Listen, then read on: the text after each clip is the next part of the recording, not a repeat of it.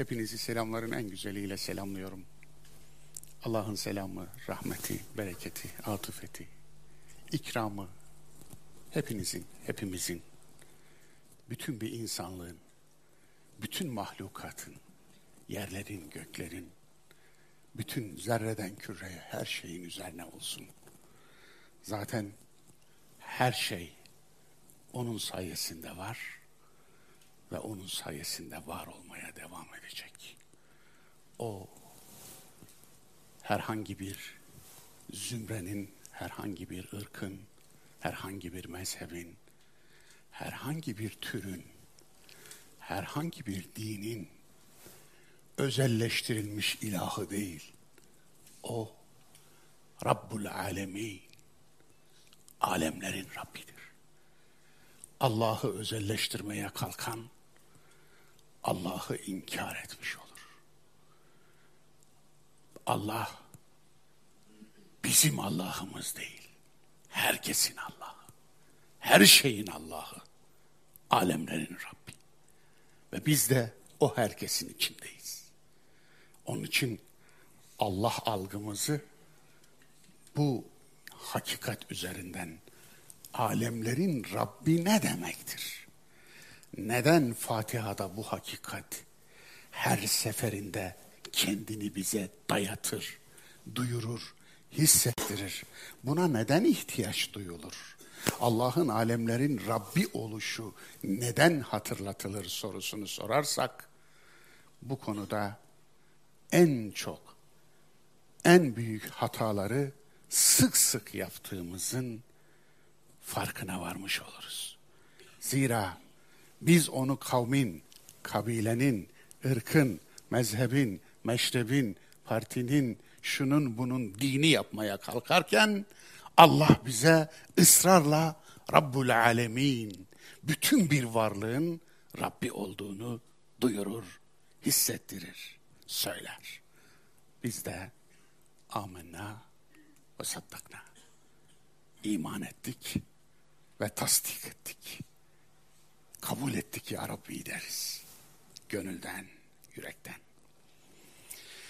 Bugün 13. dersimizde bir Siretül Kur'an, Kur'an'ın hayat yolculuğu dersiyle daha beraberiz. Bugüne kavuşturan Rabbimize hamdolsun. 13 ders, 26 hafta. Güzel. Umarım nice 26 haftalara diyerek derse gireyim. Bugünkü dersimizin konusu, ana başlığı misyon ve vizyonun inşası. İki ecnebi kelime gibi gelmesin. Zira artık dilimize girdiği için, dilimizde kullanıldığı için bizim olmuş kelimeler. Aslında kelimeler, diller canlı bir ağaca benzerler. Canlı ağaçlar zamanı geldiğinde yapraklarını dökerler, yeni yapraklar edinirler. Eski dallar kurur, kuruyan dallar kesilir, yeni şıvgınlar, yeni sürgünler verir, yeni dallar edinir. Diller de böyledir, kelimeler de böyledir. Bazı kelimeler dökülür, yerine yeni kelimeler gelir ama asıl olan o kelimelerin taşıdığı anlamlardır, vurgulardır. O vurguları kaybetmemek lazım. Misyon ve vizyonun inşası ile neyi kastediyoruz? İçini neyle dolduruyoruz? Şöyle bir girelim. Yani bugün işleyeceğimiz sure Müddessir suresi. Müddessir suresinin bir ana konusu varsa eğer bu konu misyon ve vizyonun inşası. Misyon aslında insanın taşıdığı şeyin ruhudur. Vizyonsa o ruhun bedenidir. Eğer taşıdığınız şey bir dinse, dinin ruhu misyondur. O dinin fiziki yani ibadetleri, törenleri, yapılması gereken emredilen şeyleri ise vizyonudur. Tabir caizse dinin misyonu imandır, vizyonu İslam'dır. İslam görünen kısmıdır, iman görünmeyen kısmıdır. Onun için misyon ve vizyon ile neyi kastettiğimizi kısaca açıklamış olduk. Kur'an'ın hayat yolculuğu ve müddessir etabı dedik bu alt başlığa. Neden müddessir etabı? Kur'an'da 114 sure var. 114 etap demektir. Bu bir yürüyüş, bu bir koşu. Bu yürüyüşte duraklar var. Kur'an'la beraber yürüyeceğiz. Siretül Kur'an buydu. Seyrül Kur'an. Seyir defteri. Yani vahyin seyir defterini açıyoruz. Bu seyir defterinde hangi duraklarda bize neyi gösteriyor? Hangi duraklarda bize hangi ibretler açıyor? Hangi duraklarda hangi sahneleri al gülüm seyreyle diyor? Hangi duraklarda neyi öğretiyor? İşte bu anlamda 114 tane etap. Aslında 114 burç da diyebilirsiniz buna. 114 burçlu bir yeryüzü binası, bir dünya binası, bir hayat binası düşünün. Hayat, bu iyi oldu, bu oturdu. 114 burçlu. Burçlar biliyorsunuz yükseltilerdir, alemlerdir. Oradan aynı zamanda gözetlenir. Yangın kulesi görevi de görür. Oradan izlersiniz, nöbetçisiniz. Yangınları varsa yangın var diye bağırırsınız.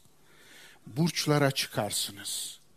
Bazılarımız bu görevi ifa etmede o kadar zorlanırlar ki peygamberler hayat burçlarındaki yangın nöbetçisiydiler. İçinde bulundukları topluma yangın var diye bağırdılar. Bazıları vadide önlerinde yiyecekler, sağlarında hanımlar, sollarında içecekler böyle rahat rahat keyiflerini sürerken peygamberlerin gelen seslerinden rahatsız oldular.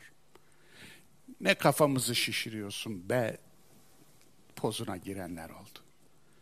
Uyandırma bizi ya. Şurada üç kuruşluk uykumuz var diyenler oldu. Yani onlar uyandırmak için gönderilmişken uyandıranları suçlayanlar oldu. Ne bağırıyorsun be diyenler oldu. Oysa o vadide keyif süren yangını görmüyordu. Ama burca çıkan yangını görüyordu. Yangını görene düşen yangın var diye bağırmaktı. Fakat onlara teşekkür etmesi gerekenler keyifleri bozuluyor diye onlara sitem etmeye, onlara hakaret etmeye, onlara iftira etmeye, hatta onlara saldırmaya kalktılar. Onun için bu kervan devam edecek. Peygamberlerin bıraktığı bir iz var. Bir yol var. Bir örneklik var. Bir sünnet var. O devam edecek. Yangın var diyen kule nöbetçileri bulunacak. Ve okçular tepesini terk etmemesi gerekecek onların. Yani burçları. Kur'an'ın da 114 burcu var. 114 burçtan farklı şeyler gösterir. Ama bu burçlara tırmanmak biraz zahmet ister, biraz emek ister, biraz ter dökmek ister. Bazıları o burca tırmanırken yolda yorulur, yola otururlar. Bazıları ya oturduk, biz yorulduk derler, yiğittirler. Bazıları ise bu kadar yiğit çıkmaz. Oturunca niye oturdun diyene bura yol değil, bura han derler. Yani levha değiştirirler ve yalan söylerler. Kendilerine de yalan söylerler. Burahan diyerek başkalarını da aldatmak isterler. Onları da oturtmak isterler. Onları da yolun ortasına oturtmak isterler. Bazıları yola yatarlar. Oysa yol yürünmek içindi. Bazıları yol üç üst üzerine nutuk atarlar. Bazıları da havlu atarlar. Ama yürüyenlere, yolu yol bilenlere selam olsun ve yolunuz açık olsun. Mekke'de tevhid devriminin yankıları Alak ayetleri inmiş. Oku ile başlamış. Nasıl okuyacağım sorusunu Rabbin adına oku fermanı cevaplamış. Arkasından kurşun gibi, fişek gibi, ok gibi hakikatler gelmiş. Zihindeki putları yıkmak için, devirmek için. Ve arkasından Müzzemmil suresi gelmiş. Ya eyyuhel muzzemmil. Kumil leyl. Ey sırtına sorumluluk yükü alan, vahyin sorumluluğunu üstlenen, kum kalk demiş. Ve arkasından yine ardı ardına inşa emirleri gelmiş ve üçüncü burçtayız. Üçüncü burçta müddessir gelmiş. Mekke yavaş yavaş hareketleniyor. Duydun mu? Neyi? Ad söylenmiyor henüz. Niye? Yetimin adı olmaz da onun için. Abdülmuttalib'in yetimi. Adı bu. Abdülmuttalib'in yetimi peygamberliğini ilan etmiş. Duydun mu? Dedikodu kumkuması başlamış. Doğu'nun milli sporudur şarkın. Kulaktan kulağa. Ne diyormuş? Oho!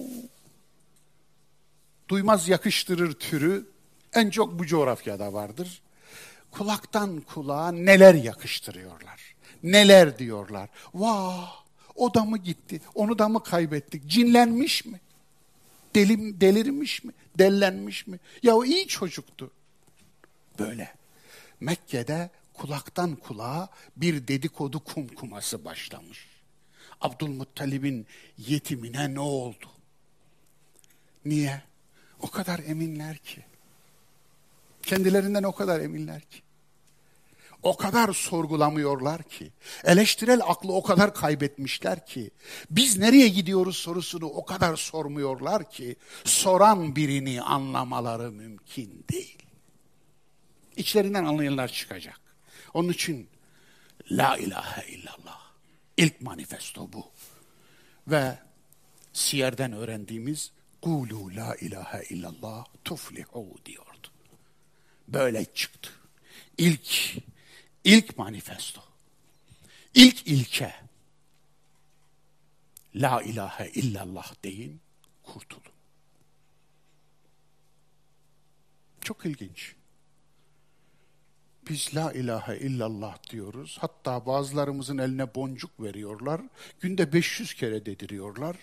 O dedikçe batıyor. Problem ne? Problem şu. La ilahe illallah demek ne demek? Kula kulluğa hayır demekti. Bir kere hayırla başlayacaksın. Yani bu dine hayırla gireceksin. Hayır diyerek. Bu dinin giriş kapısının üstünde itaat değil isyan yazar. La. İlk haykırmanız gereken budur. Hayır. İsyan yazar. Bunu nasıl tersine çevirdiler? hayırı öğrenmeyen insanlara nasıl kuzuluk, nasıl sürülük öğrettiler? Kimler çevirdi? Hangi süreçlerden geçti? Evet, Emevi dinini İslam zannedenler aslında en büyük yanılgıyı burada, burada yaşadılar. La ilahe illallah Allah için değildi. La ilahe illallah insan içindi. Bundan Allah'ın zerre kadar bir çıkarı yok. La ilahe illallah Allah'la ilgili değildir. İnsanla. Zaten öyle olmalıdır. Din bu dünyada işime yaramayacaksa ahirette hiç yaramayacak. Peki nedir? Kula kulluğa hayır. Bu iki tane görevi içerir. Bir, kula kul olmaya hayır. İki, Kulu kul etmeye hayır. Güçsüzler, zayıflar kula kul olmaya hazırdır. Güçlendikleri zaman aynı kişiler kulu kul etmeye hazırdır. Kulu kul etmek için çabalarlar. Dolayısıyla la ilahe illallahı biz kaybettik. Kişi girmediği dinden çıkamaz. Bazıları bu dine hiç girmedi. La ilahe illallahı kula kulluğa hayır şeklinde manasıyla, mefhumuyla, muhtevasıyla, gerçek anlamıyla hiç anlamamış, hiç duymamış, hiç düşünmemiş olanlar gerçekte la ilahe illallahı hiç dememiş olanlardır. Yoksa papağanlara ezberletirdik, onlar la ilahe illallah derler ve onlar da mümin olurlar mıydı? Bu mümin papağan, bu kafir papağan. Oldu mu? Bilgisayarlara okurduk. Flash belleklere yüklerdik. CD'lere yüklerdik. Bilmem kaç milyon kez la ilahe illallah derdi. Ömrünüzde demediğiniz la ilahe illallahı flash bellekler derdi. Sizden daha iyi Müslüman olur mu? Görüyorsunuz. Bu mesele seslendirme meselesi değil. Nakarat meselesi değil. Bu mesele ezberden söyleme meselesi değil. Bu mesele anlam meselesi, bilinç meselesi, şuur meselesi. Evet, Müslüman olmak, anlamın peşinde olmak. Müslüman olmak, bir bilinç halinde olmak. Zaten Müslüman olmak, sorumluluk bilincine sahip olmak. Tereddüt ve acabalar Mekke'de kol geziyor. Dur bakalımcılar var Mekke'de. Tetikte bekleyenler var. Yani bir foyasını buluruz. Bir falso verir. Biraz bekleyelim bakalım. Cılar var. Allah Resulü risaletini ilan etmiş. Rabbinin emri. Ama bir tarafta dur bakalım. Bu dur bakalımcıların içinde de güç tapıcıları var. Güç tapıcılarından bir kısmı dur bakalım dedi, 13 yıl beklediler. Ondan sonra 10 yıl, 8 yıl daha beklediler affedersiniz. 13, 8, 21 artı 8. 21 yıl sonra dur bakalımcılar Mekke'nin fethi günü ortaya çıktılar. Sıraya girdiler. Bunlar dur bakalımcılar. Bunların İslam tarihindeki bir adı var. Bu adı Allah Resulü koydu. O gün yaptığı konuşmada Kabe'nin kapısında bir konuşma yaptı. İzhebu fe entum tulaka. Hadi saldım sizi. Sizi azat ettim. Çünkü köle edileceklerini zannediyorlardı. Oysa köleliği yıkmak için gelmiş bir peygamberdi o. İzhebu. Hadi gidin. Fe entum tulaka. Siz azad olunanlardansınız. Salı verilenlerdensiniz. Tulakanın bir anlamı da bir kölenin artık azat edilip salınması gelir. Onlara tulaka dendi. O tulaka Allah Resulünden sonra 30 yıl ya geçti ya geçmedi. Bu ümmetin tepesine tünedi, oturdu ve bu dini ta ciğerinden bozdu ve bu dinin yerine bir din getirdi. Ondan sonra çoğunluk onların getirdiği dini İslam zannetti. Kenarda bekleyenler bunlar. Bir de eyyamcılar var. Güç kimdeyse ondan yana olalım. Çok ilginç. Bunun örneğini de ta ne zaman göreceğiz biliyor musunuz? Hemen Mekke fethinin arkasından bir sefer var. Huneyn Savaşı. Aslında en kritik savaşlardan biri. Peygamber siretinin dönüm noktalarından biri. Düşman Çok kalabalık. Ama ondan da öte tüm servetini, tüm hayvanlarını, hanımlarını, çocuklarını bile savaş meydanına getirmişler. Yani olmak ya da olmamak. Mesele bu. Repliği miydi bu? Shakespeare'in. Evet. To be or not to be. Olmak ya da olmamak. Gerçekten de öyleydi. Orada Hevazin kabileleri tüm çoluk çocuğuyla, tüm servetleriyle, kadınlar takılarıyla gelmişler ve zincire bağlamışlar. Yani savaştan kaçmayalım. Ölmek var, dönmek yok. İslam ordusu bir ara yenildi. Yenilir gibi oldu. O birliğin Müslüman ordusunun içinde bir müşrik taburu vardı. İlginç. Size ilginç gelmiyor mu? Müslüman ordusunun içinde bir müşrik taburu vardı. Safvan bin Ümeyye de bu taburda bir komutandı. O da müşrikti. Allah Resulü ondan ödün şeyler aldı. Savaş malzemeleri.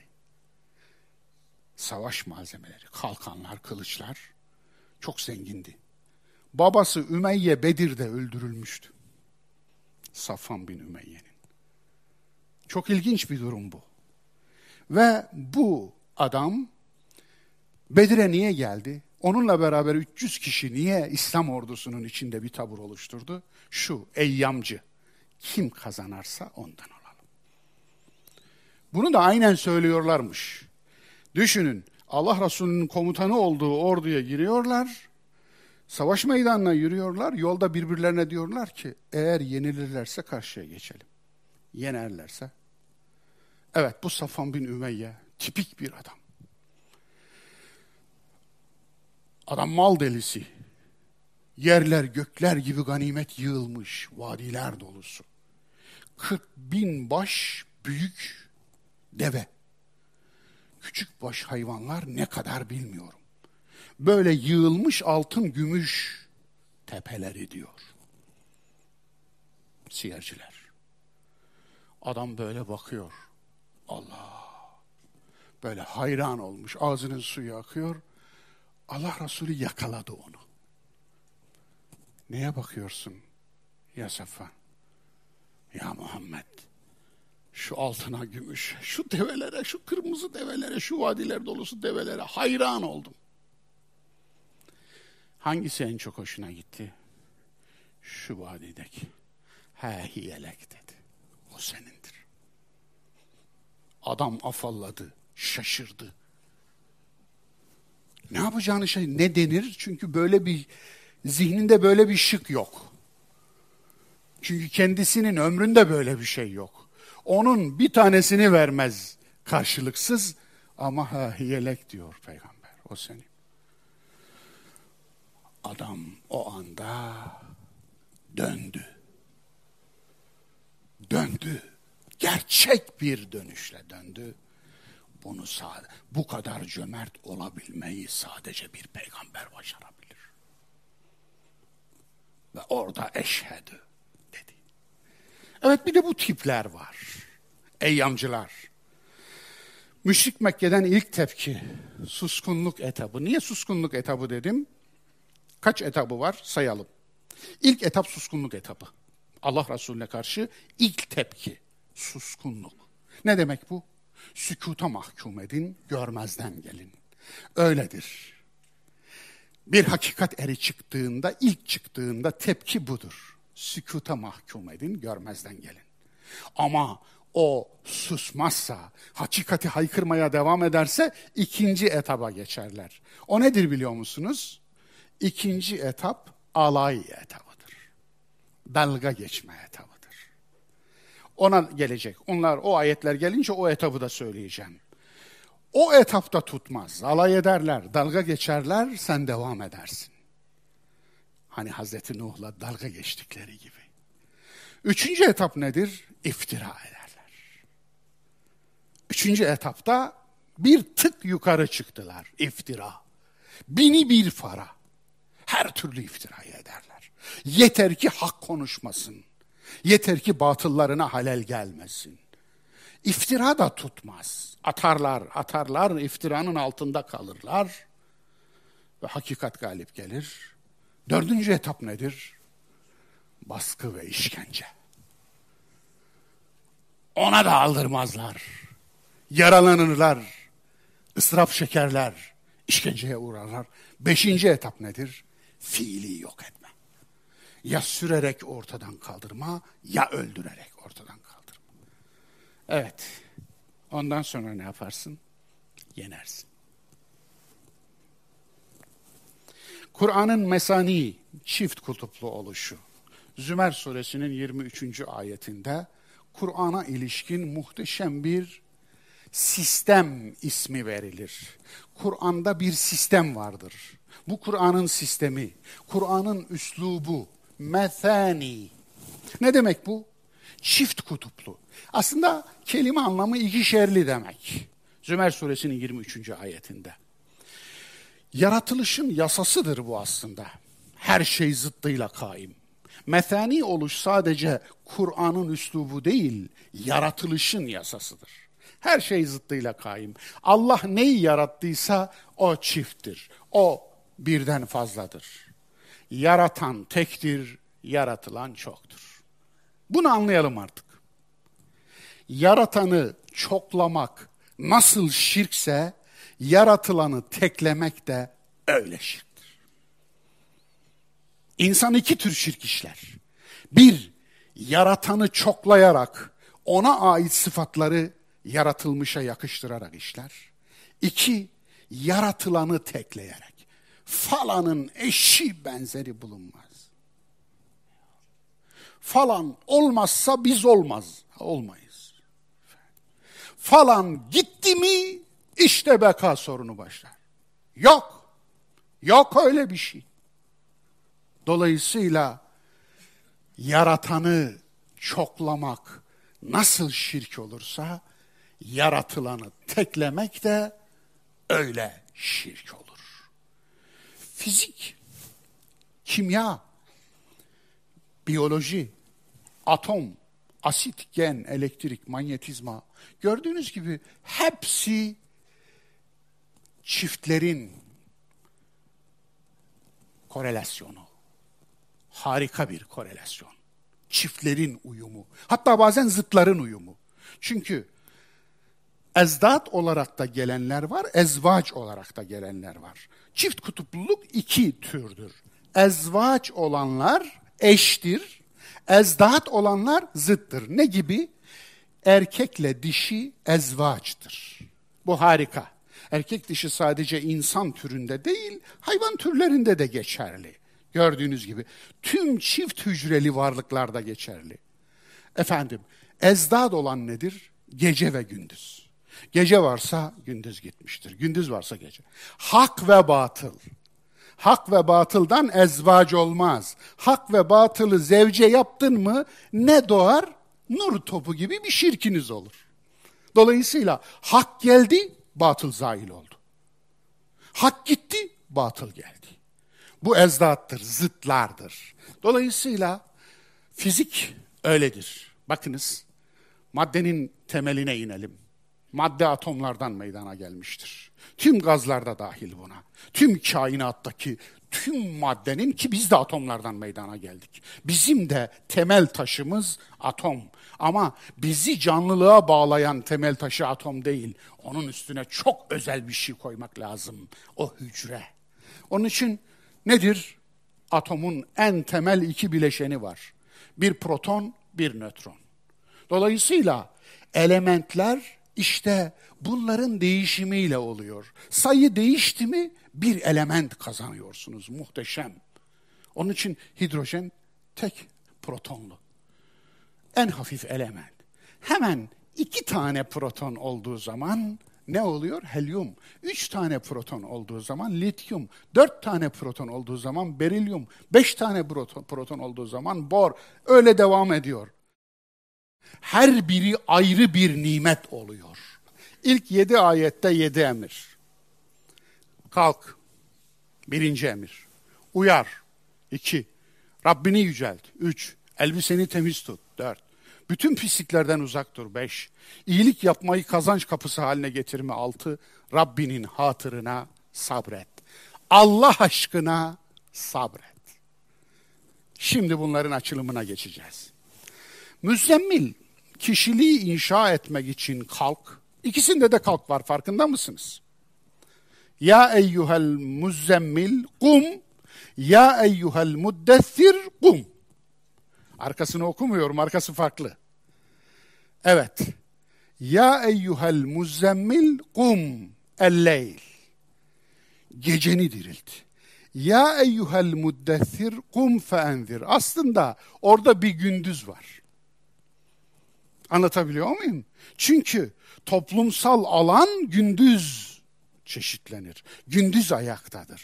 Dolayısıyla gündüz sosyal sorumluluğunu, gece ise Rabbine karşı kişisel sorumluluğunu ifade. Yani geceni Rabbinle ilişkini güzelleştirmek için değerlendir, gündüzünü ise topluma karşı sorumluluğunu yerine getir gibi anlayabiliriz. Dolayısıyla iki kalkın vurgusu ayrı. Kelime aynı ama vurgusu ayrı. Kişiliğini inşa etmek için kalk. İkincisi müddessir, kaldırmak, uyandırmak için kalk. Alt başlığımızın ikincisi, pasif iyiden aktif iyiye. Kalk diyor. Yatana kalk demek, pasif durma, aktif ol demek. Pasif olma, aktif ol demek. Var olmak aktif olmaktır. Aktif olmak ne demektir? Önce oraya girelim. Var olmak aktif olmaktır. Eğer varsanız aslında sizin elinizde olmayan boyutuyla ilahi yasa gereği, yasa gereği aktif olmalısınız. Malumunuz madde atomlardan meydana geliyor, bizim de maddi tarafımız atomlardan meydana geliyor. Söyler misiniz? Atomun var olması için ne olması gerekiyor? Aktif olması, elektronun hiç durmadan dönmesi gerekiyor. Yani çekirdek Kabe'sinin etrafını elektron hacısı eksiksiz tavaf etmesi gerekiyor. Öyle değil mi? Peki bu tavaf durursa, elektron durursa buna ne diyorlar fizikte? Füzyon diyorlar. Füzyon. Çekirdeğin üstüne çöküyor. Çekirdekle elektron arasındaki mesafe ölçek ve oran olarak güneşle dünya arasındaki mesafenin oranıyla aynı. İlginç. Mikro ile makro arasındaki bakışımlılık. Aslında bunların bütününün yaratıcısı tek demek için sayısız sebepten bir tanesi belki de. Onun için bu anlamda elektron çökerse madde çöker. Madde çökerse ne oluyor biliyor musunuz? Bunu nötron yıldızlarında tespit etmişler uzay bilimciler. Nötron yıldızı diye bir vaka var. Kainatta büyük patlamanın dışında en büyük patlamadır. En vahşi patlamadır. En yıkıcı patlamadır. Zaten altın gibi, kurşun gibi, platin gibi, civa gibi elementler bu patlamada olabiliyor. Bu patlamayla altın oluşabiliyor. Başka türlü 79 tane proton bir çekirdekte bir araya gelmiyor. Bir atomda bir araya gelmiyor. Onun için ancak bu kadar güçlü bir patlama. Bu patlama neye eşit biliyor musunuz? İki tane nötron yıldızının birbirine dolanıp en sonunda çarpması, yıldızımızın ömrü, güneşin ömrü yaklaşık 10 milyar yıldır. 10 milyar yılda güneşin harcadığı enerjiyi bilmem kaç milyarda bir saniyede harcamak ancak 79 tane protonu bir araya getirip altın elementini ortaya çıkarabiliyor. Bilmem anlatabildim mi? Yani altına eğer bir saygı duyacaksanız ederinden dolayı değil, maddesinden dolayı değil, bu emekten dolayı duymak lazım belki de. Ama benim söyleyeceğim o değil asıl. Benim söyleyeceğim bu anlamda aktiflik. Eğer çökerse madde çöker. Nötron yıldızından bir çay kaşığı, kahve kaşığı demiyorum. Bir ka- çay kaşığının ağırlığını hesap etmişler. Tahmin edebilir misiniz? Nötron yıldızından bir çay kaşığı alacaksınız. Bir milyar ton. Bir çay kaşığı. Evet. Ne yaparsınız? Elbise dikebilir misiniz? Mobilya yapabilir misiniz? Koltuk yapabilir misiniz? İnşaat yapabilir misiniz? Ne yaparsınız? Hiçbir şey. Dolayısıyla Allah'ın lütfudur maddenin hareket halinde olması, aktif olması. Madde var olmak aktif olmaktır. Akıl, irade, vicdan, bilinç aktif. Bakınız, aktif olmayan akla Kur'an akıl demiyor. Onun için taakkul fiil olarak kullanılıyor hep. Yani akletmezler mi? Hep fiil olarak gelmesi Kur'an'da, hiç isim olarak gelmemesi aktifse vardır, aktif değilse yoktur demektir. İrade öyle. Kur'an'da 140 tane irade fiili gelir, bir tane irade ismi gelmez. Bir tane. Çok ilginç gelmiyor mu size? 23 yılda inmiş bir hitap, 140 tane bir kelimeden kullanıyor ama bir tane isim kullanmıyor. Hepsi fiil. Yuridu, turidu, yuridune, turidune hep böyle gelir. Neden? İradeniz eğer işliyorsa, aktifse var hükmündedir. Aktif değilse iradesizsiniz demektir. Vicdan öyle, bilinç öyle. Can aktiftir. Öyle can olması için aktif olması lazım. Madde aktiftir biraz önce anlattım. Kainat aktiftir. Düşünsenize. Güneş dedi ki ben yoruldum. Buna biz ne diyoruz? Kıyamet. Sa'a aslında doğru ifadesi. Son saat. Dünya dedi ki ben yoruldum. Artık aktif olmayacağım. Yeter be bu kadar, bu kadar döndük. 4 milyar 600 milyon yıldan beri dönüyoruz birader başımız döndü. Biraz dinleneceğim dese işte size kıyamet, işte size son saat. Dolayısıyla aktif olmak aynı zamanda gördüğünüz gibi bizim hayatımızın da garantisi. Kainat aktiftir. Allah aktiftir. Hallak. Her an yaratan demek. Bir kere yaratıp bırakmayan, her an yaratan. Niye her an yaratan? Her an yaratan Halik da var, Hallak da var. Halik iradesiz varlıklar için geçerli, Hallak iradeli varlıklar için geçerli. Neden? Çok önemli bir ince nokta. Yani her an yaratma için gerekçe iradeli olmasıdır. Niye? Bir sonraki anı yaratmasının gerekçesi o iradeli varlık ya değiştiyse ya ya yeni seçimler yaptıysa ya yeni tercihler yaptıysa yeni tercihlerini hesaba katarak ben onun için yeni şeyler yaratayım. Budur. Budur. Evet, faal sürekli faaliyette olan demek. Evet. İyiler aktif ve pasif diye ikiye ayrılır. Örnek bir, Fatih suresinin 32. ayeti tüm insanları üç sınıfa ayırıyor. Ama ben iyiler ikiye ayrılır dedim değil mi? Ama Fatır Suresinin 32. ayeti önce insanları iyiler ve kötüler diye ikiye ayırıyor. Ama iyileri ikiye ayırıyor. Dikkatinizi çekerim. Üçe ayırmasının sebebi bu. Önce ikiye ayırıyor iyiler ve kötüler. Kendine zulmedenler diyor. Birincisi. Ama iyileri ikiye ayırıyor. Orta yolu tutanlar, hani bir orta yolcular var ya, ne şiş yansın ne kebap sönsün. Hem davuluna vur hem kasnağına vur. Anlatabiliyor muyum? Sana da selam, sana da selam. Nasrettin Hafız güzel yapmış bunu. Sen de haklısın, sen de haklısın. O demiş ki ikisine de haklı diyorsun hocam, sen de haklısın. Dolayısıyla böyleleri var bir. Bir de kimler var? Öncülük edenler. Üçüncüsü. Önce insanlığın öncülük edenleri önce peygamberlerdir. Hepsine selam olsun. Ondan sonra onların yolundan gidenlerdir. Onlara deli derler, sapık derler. Atalar dini kafiri derler. Kimse bilmedi de sen mi bildin derler, derler, derler, derler.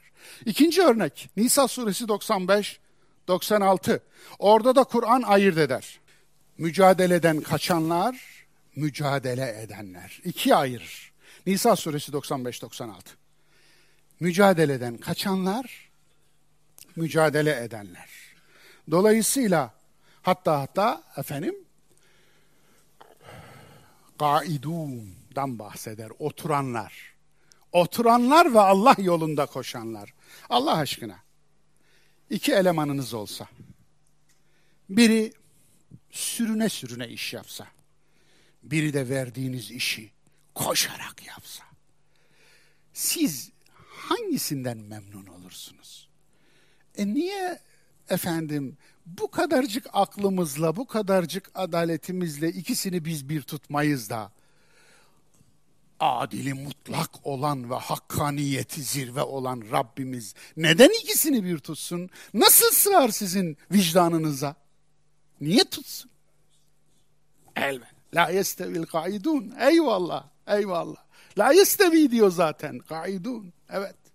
Oturanlarla koşanlar bir olmaz. Müsavi değil diyor Kur'an. İyilik ikiye ayrılır. Hasenat ve salihat. Bu çok önemli. Kur'ani bir ilkedir. Ben buna ilk defa Ali Şeriati'de rastladım. Fakat o böyle ele almamıştı. O çok e, yüzeysel bir, iki, bir cümleyle geçiyordu. Oradan şimşekler çaktı zihnimde ve ben bunu Kur'an'a e, sundum. Kur'an'a sununca aman Allah'ım Kur'an bambaşka iki kavram serdi önüme. Hasenat, salihat. Hasenat, iyilik. İyilik demektir. Hasen öyle, iyi. Salihatsa, üçüncü şahısların iyiliği. Hasenat, kişinin kendisine dönük iyilikler. Salihat, kişinin başkalarına dönük Başkalarına dönük iyilik olunca kendinizi kapsıyor zaten. Kendinizle birlikte başkalarına dönük iyilikler. iki tür. Hasenat kendine iyilik yapmak, bencillik. İyiliğin bencil olanı. Salihatsa başkalarına iyilik yapmak. Onun için evet hasenatın karşılığı Kur'an'da 1'e 10. En'am suresi 160. Salihatın karşılığı cennet. Tam 17 ayet hangisini sayayım? Abdullah oğlu Muhammed iyiydi. Geldik birebir karşılığına. Abdullah oğlu Muhammed dedim. Niye Allah Resulü demedim? Henüz Allah Resulü yok. Henüz Resul atanmadı. Henüz babasının oğlu, anasının oğlu. Onun için Abdullah oğlu Muhammed dedim. İyiydi. İyi miydi? Delillerimiz nedir? İyiliğin en büyük delili Mekkelilerin şehadeti. El-Emin. Güvenilir adını verdiler. Daha sonra düşman olanlar verdi bu adı. İkincisi Hacerül Esved olayı. Şu kapıdan kim gelirse o götürsün dediler. Yoksa savaşacaklar. Abdullah oğlu Muhammed girince helal olsun be tam adamı geldi dediler. Hem de savaşmak üzere olan kabileler. Üçüncüsü Hilfül Fudul. Hilfül Fudul Allah'ın Mustafa kulu. Onun aktif iyi oluşuna delil değil mi? Değil. Çünkü Hilfül Fudul'de hiçbir aktif görev üstlenmedi. Yani pasif iyiydi, başı çekmedi, risk almadı, düşman edinmedi. Hilfül füduldan dolayı Allah Resulüne hasım olan bir kişi olmadı. Evet. Kur'an'ın tasdiki, sen muhteşem bir ahlak üzeresin. Belki bizim için, müminler için en büyük delil bu. Kalem suresinin dördüncü ayeti. Ve inneke le ala hulukin azim. Sen muhteşem bir yaratılış üzeresin diye çevirenler var. Yanlış. Huluk ile hilk iki ayrı anlamdır. Yani ve inneke le ala hilkin azim değil, hulukin azimdir. Onun için bu fark vurgulanmalı çeviride. Kalk ve uyar, onu aktif iyi yaptı. Kum feendir. Kalk ve uyar. El emin diyenler şunları dediler. Kezzab ne demek? Yalancı yalancı, sahtekar anlamına gelir. Allah Resulüne bunu dediler. Ama Allah Resulüne dediler Abdullah oğlu Muhammed'e kezzap diyen hiç kimse olmadı. Bu çok önemli. Altını çizmemiz gereken bu. Abdullah oğlu Muhammed'e el emin diyenler Resulullah Muhammed'e kezzap dediler. Bu çok önemli. Mecnun. cinlenmiş dediler. Cin musallat olmuş yani delirmiş dediler. Ama önce dememişlerdi. Peygamberlik gelmeden önce hiç kimse Resulullah'a Abdullah oğlu Muhammed'ke Mecnun demedi. Sapık dediler. Kur'an'dan çıkarıyoruz biz bunları. Dalga dalavere çeviren dediler. Kur'an'da şöyle üstün körü bir arama yaptım, bunları buldum. Belki daha fazla da bulunabilir. Bunları dediler. Ama ne zaman dediler? Abdullah oğlu Muhammedken değil, Muhammed Resulullah iken, Kur'an'ı tebliğ etmeye başlayınca, Kur'an'la muhatap olunca, yani Kur'an adamı olunca bunu dediler. Kur'an adamı olmayana emin güvenilir diyenler, Kur'an adamı olana yalancı, sapık, mecnun dediler. Ne kadar benziyor değil mi?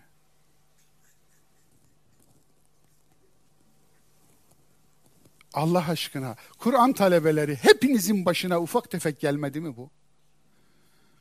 Gelmedi mi? Siz hiç dini bir kaygı taşımazken bu kadar bu kadar kaygılı insanlık için, kendiniz için, etrafınız için bir şeyler yapayım diye çırpınmazken, lay lay lomken size iyi diyen adamlar siz ehli Kur'an olunca size kötü dediler. İtiraf edin. Elhamdülillah. Sünnet neymiş? Buymuş. Evet. Sünnet kabak yemek değildir. Sünnet iftira yemektir. Sünnet taş yemektir. Kendilerini rahatsız etmeyen doğruyu söyleyeni alkışlar, kütleler. Kitleler demiyorum, kütle, ur gibi. Hatta taparlar. Rahatsız eden ve doğruları söyleyeni ise taşlarlar. Kütleler her zaman böyle oldular. İki iyi arasındaki fark ne? Pasif iyi, pasif imanın sahibidir. Aktif iyi, aktif iman sahibidir.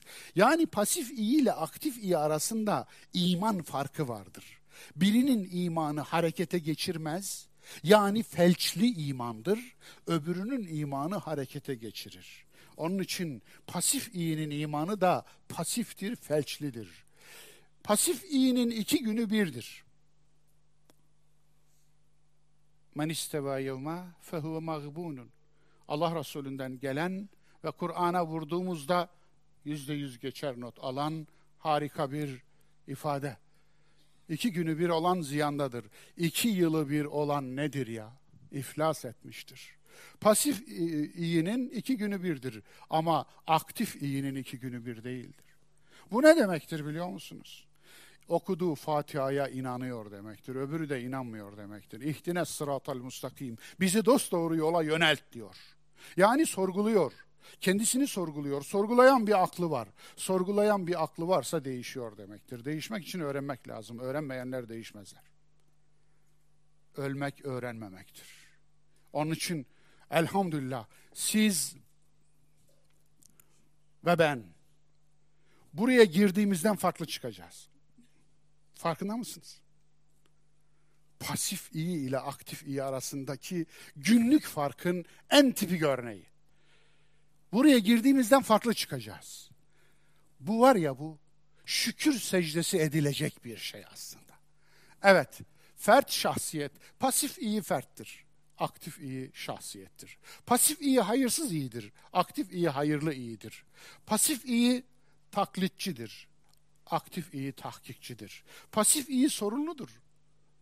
Aktif iyi sorumludur en azından kapağını görün yani. Pasif iyiden aktif iyiye. Envir, uyar. Üçüncü alt başlığımız. Elçilik ahlakı. Efendim şunu söyleyeyim. Eğer din insanda bir ahlak inşa etmiyorsa o dini müzeye kaldır. Hatta o din adamın ahlakını bozar. Hatta o din insanı insanlıktan çıkarır, canavarlaştırır. O din uyuşturucu olmuştur. Anlatabiliyor muyum? Onun için neden uyuşturucuyla mücadele birimi var emniyette? Narkotik şube. Peki neden uyuşturucuya dönün, dönmüş inançlarla mücadele yok? Oysa narkotik şubedeki uyuşturucuların tedavi merkezi var Amatem. Peki inancı uyuşturucuya dönüşmüş olanlar, inançla uyuşturmuş olanları hangi merkeze gönderelim? Buraya gelsinler diyor arkadaşlardan biri. Evet, elçilik ahlakı. İnzarın anlamı üzerine. Nedir inzar? Hatanın kötü sonucundan hata yapanı ve başkalarını korumak için yapılan uyarı, tenbih. Arap lisanında da inzarın karşısına tenbih geçer. Arapça müteradifi. Eş anlamlı diye bir şey yok bana göre de. Evet, yakın anlamlı diyelim. Nezr ve inzar arasındaki bakışımlılığı gördünüz değil mi? Fark ettiniz. Aynı kökten geliyor. Bir öncekinde adanmadan bahsetmiştim ve iki tür adanmadan bahsetmiştim. Tebettül adanması Müzzemmil suresindeki ve tebettel ileyhi tebtila tebettül ve nezr adanması. Ali İmran suresinin 33. 34, 35, 36. ayette Meryem'in annesinin adaması ve Meryem'in adanması. İki adam. Biri kurumsal adamaydı, nezr adaması. Tebettül adaması ise insanın varlığını hakikate adama. Anlatabiliyor muyum? İyiliğe adamak. İnsanın iyiliğe adanması. Peygamberler iyiliğe adanmış iyilik erleridir. Nezir uyarıcılık her Resul ve Nebi'nin üst amacıdır. Evet, üst amaçtan bahsediyorum. Amaçlar iç içe geçmiş matruşkalara benzeyebilirler.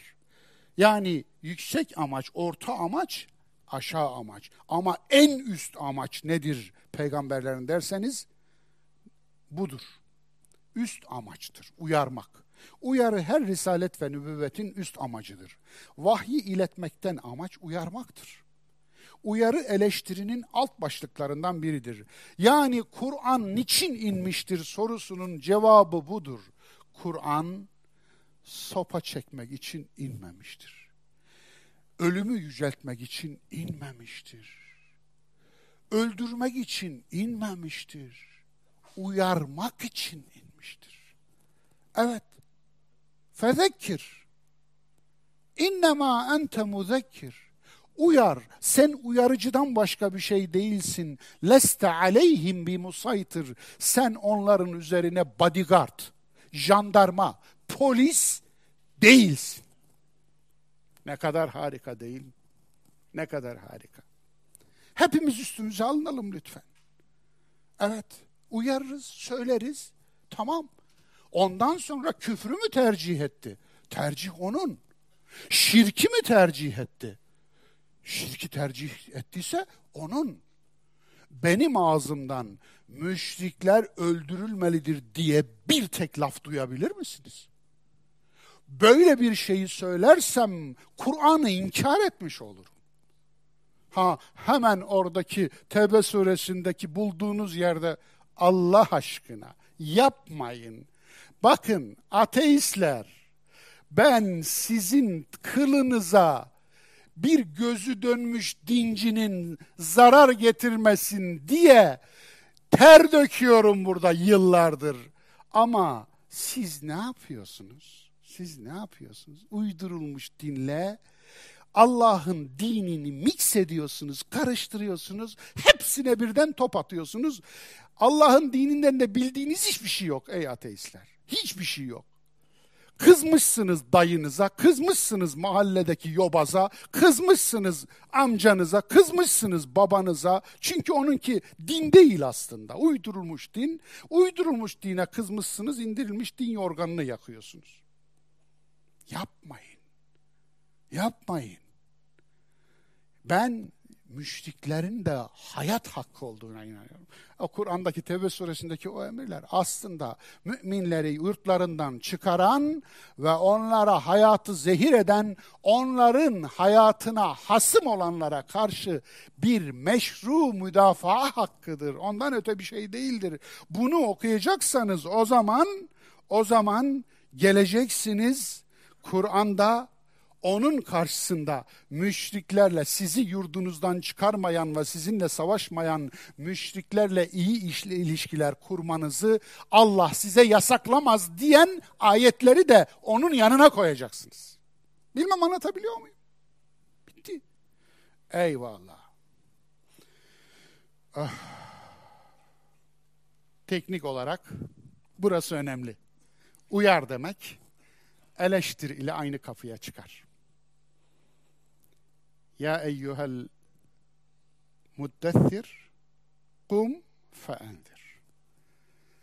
Sen ey yatan iyi. Kalk ve eleştir. Kalk ve uyar. Teknik olarak uyar eleştir anlamına gelir. Kur'an baştan sona eleştiridir. Bunu unutmayalım. Kur'an'ın devrimi, uyarı ve müjde. Kur'an'a karşı devrim, korku ve umut. Haydi. Bir ters köşe daha. Evet. Kim icat etti beynel havfi ve recayı? Kim? Kim soktu bu yılanı Müslümanın koynuna? Uyarıyı korkuya la kim takas etti? Uyarı oysa ki uyarı bambaşka bir şey, korku bambaşka bir şeydir. Anlatabiliyor muyum? Uyarı bambaşka bir şeydir. Allah'ın dini anlam üzerinden üst beyne hitap ediyor. Uyarı üst beyne hitap etmek, kortekse hitap etmek. Yani insana hitap etmektir. Uyarı adı üstünde. Uyarının Kur'an'daki karşılıklarından biri zikir. Zikir. Anlatabiliyor muyum? Evet. Mev'iza, zikir, işte inzar. Asıl kavram inzar. Ama zikir de uyarı anlamına gelir. Peki inzar ile havfi nasıl takas ettiler? Kim yaptı bunu? Ve niye yaptı? Bu çok önemli bir sorudur. Bu bir karşı devrimdir işte. Mistik paralel din korku üzerinden alt beyne hitap ediyor. Uyarı üst beyne hitap eder. Akla, korku alt beyne, limbik sisteme hitap eder. Korku ta bilmem kaç milyon yıl önceden getirdiğimiz bir şeydir. Evet. Hala insanoğlu gök gürlemesinden korkar. Şimşekten korkar yıldırımdan korkar. Niye biliyor musun? Bu çok önemli bir şey. Çünkü limbik sisteminde, alt beyninde bilmem kaç milyon yıl önceden beri çok yaşamış. O oraya yerleşmiş. O orada yuva tutmuş. Hala ürperir. Ta oradan getirdiği şeylerdir. Bu tüylerin diken diken olmasının Allah'ın sünneti olan tekamüldeki karşılığı nedir biliyor musunuz? Milyonlarca yıl önce üzerinden bir haşerat sürünerek geçerken haberi olsun diye. Ta oradan kalma bir şeydir bu. Tüylerim diken diken. Niye? Haberdar edecek seni. Çünkü o haşerattan bazıları bir adamı öldürebilir.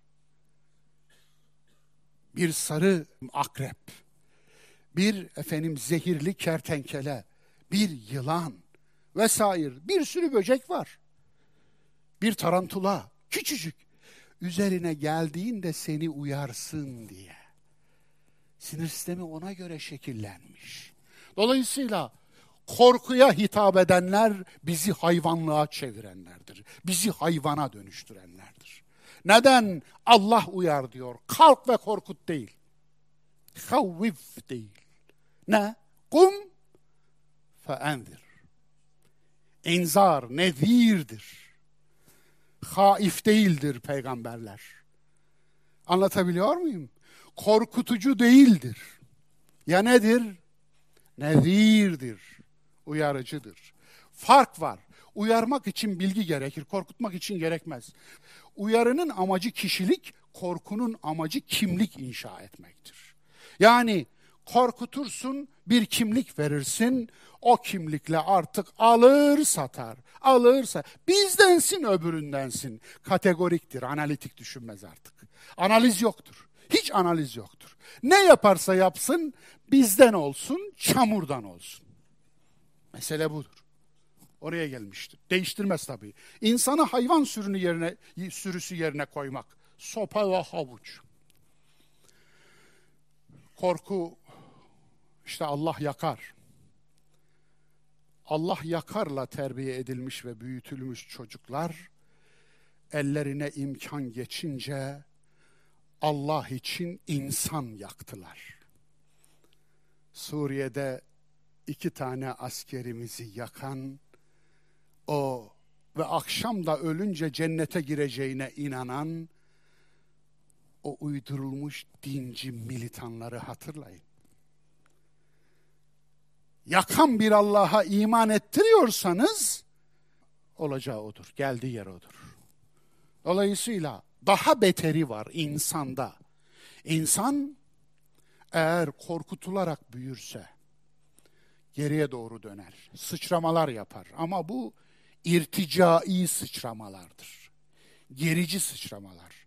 Mesela 300 bin yıl geriye sıçrar, hani otobüslerde olur ya, ilerleyelim beyler geriye doğru ilerleyelim. Şimdi geriye doğru ilerlersiniz. 300 bin yıl sıçrar, korteks uçar. Korteks, beynimizi insan yapan üstteki file. O uçar. Bir yüz bin yıl daha sıçrar, frontal lob. Bizi insan yapan burası gider. Burası gitti mi zaten artık hayvan gibi davranmaya başlar. Dahası daha korkutursanız ne olur biliyor musunuz? 7 milyon yıl sıçrar, bakarsınız orası gittiği zaman ape tepkisi vermeye başlar. Kel en'am. Hayvan sürüsü. Sürü demektir en'am, sürü. Hayvan sürüsü tepkisi verir. Nasıl verir? Çok ilginç. Alfa bir erkek olacak. Ona kayıtsız şartsız bağlanacak. Ve ondan sonra hiç düşünmeyecek. Kiraya verecek. Varlığı onun varlığına armağan olacak. Bitti. Hatta bazen daha büyük sıçrar. Ne olur biliyor musunuz? 300 milyon yıl geriye sıçrar, tüm beyin gider, beyin sapı kalır. Beyin sapını gördünüz mü? Böyledir. Sürüngenlik dönemindendir. 300 milyon, 350 milyon yıl öncesindendir. Şu beyin sapı böyle kalır, tıslamaya başlar. Bilirsiniz ki sokacak. Yılan haline döner. 300 milyon yıl sıçramış adam ya. Öyle korkutmuşsunuz ki 300 milyon yıl sıçramış. Dolayısıyla içindeki yılan ortaya çıkar. Bazılarının içindeki hayvanat bahçesini boşaltırsınız. Korkutursunuz. Aa içinden bir tilki çıkmış. Acayip bir tilki. Ya benim tanıdığım bu adam değil. Bunda ne numaralar varmış. Ama içinden tilki çıktı. Korktu çünkü. Korkan insanlığını unutur. Korkuttuğunuzda insanlığını yok edersiniz. Onun için bakarsınız bazen bir kurt çıkar içinden. Ve ısırdı mı sizi kuduz eder. Yılan haline döndüğünüzde bakarsınız omurga da gitmiş. Böyle. Aman mübarekte ne kıvırmalar var. Ne dersen de bir şey diyorsun ya adam diyor ki diyorsun bak Etiye kemiğe büründü, Allah diye göründü diyor şeyhi için diyorsun. Orada şunu şunu şöyle demişti de şunu şöyle anlatmıştı da şu şöyle anlama geliyor da şu şöyle tevil edilir de falan. Yılan. Anlatabiliyor muyum? Çünkü doğrusu yok. Hakikat yok. Onun için hakikatin değeri yok. Hürmeti yok. Onun için de tevil edemeyeceği hiçbir günah yok. Hiçbir şirk yok. Eyvallah. Onun için korku değil, uyarı. Bu çok önemli. İlkinde öğüt veren bir Allah var, ikincisinde korkutan bir ilah var. Allah yakar ve Kur'an çarpar ile büyütülen çocuklar nasıl davransın istiyorsunuz? Bu çocuk baba olunca çocuklarını sizce nasıl terbiye edecek? Şunu söyleyeyim. Çocuklarınızı korkutarak eğitmeye çalışmak emeksiz eğitmeye çalışmaktır. Emek vermezsiniz. Korkutursunuz biter. Sopayla insan eğitilir mi? İnsan eğitilir mi? İnsan hayvana vuramaz sopayı. İnsana nasıl vurur? Dolayısıyla bakınız yani bu toplum niye böyle oldu? Niye patlıyor? Niye dikişleri atıyor? Niye insanlar birazcık farklı düşündüklerinde uçlara gidiyorlar? Neden bunun hiç ortası yok mu ya? Seven tapıyor, kızan şeytanlaştırıyor. Evet. Ortası yok mu? Hiç yok mu? Niye oturup da konuşamıyorlar? Niye müzakere edemiyorlar? Niye bir masanın etrafına gelemiyorlar? Niye, niye sorusuna bu mevzuya dönün. Bu mevzuya dönün. Bu mevzuya.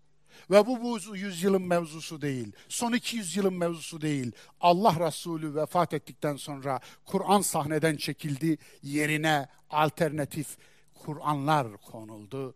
O, o dinin eseridir. Evet, gücü ele geçirdiklerinde kulları hem yaktılar hem çarptılar. Korkuyla iman korkuya imandır. Evet, bir adamın ensesine silahı dayadınız ve dediniz ki Müslüman ol. O da dedi ki ben Müslüman oldum eşhedü en la ilahe illallah. Peki o Müslüman olmuş olur mu? Hayır. Olmaz. Bunun olmayacağını Allahu Teala kitabı keriminde Firavun üzerinden anlattı. Ensesine su silahını dayadı. Artık boğuluyor. Öyle değil mi? Firavun imanı denir buna. Firavun imanı. Boğuluyor. Ne dedi? Ben Musa ve Harun'un Rabbine iman ettim. Olmadı. Allah red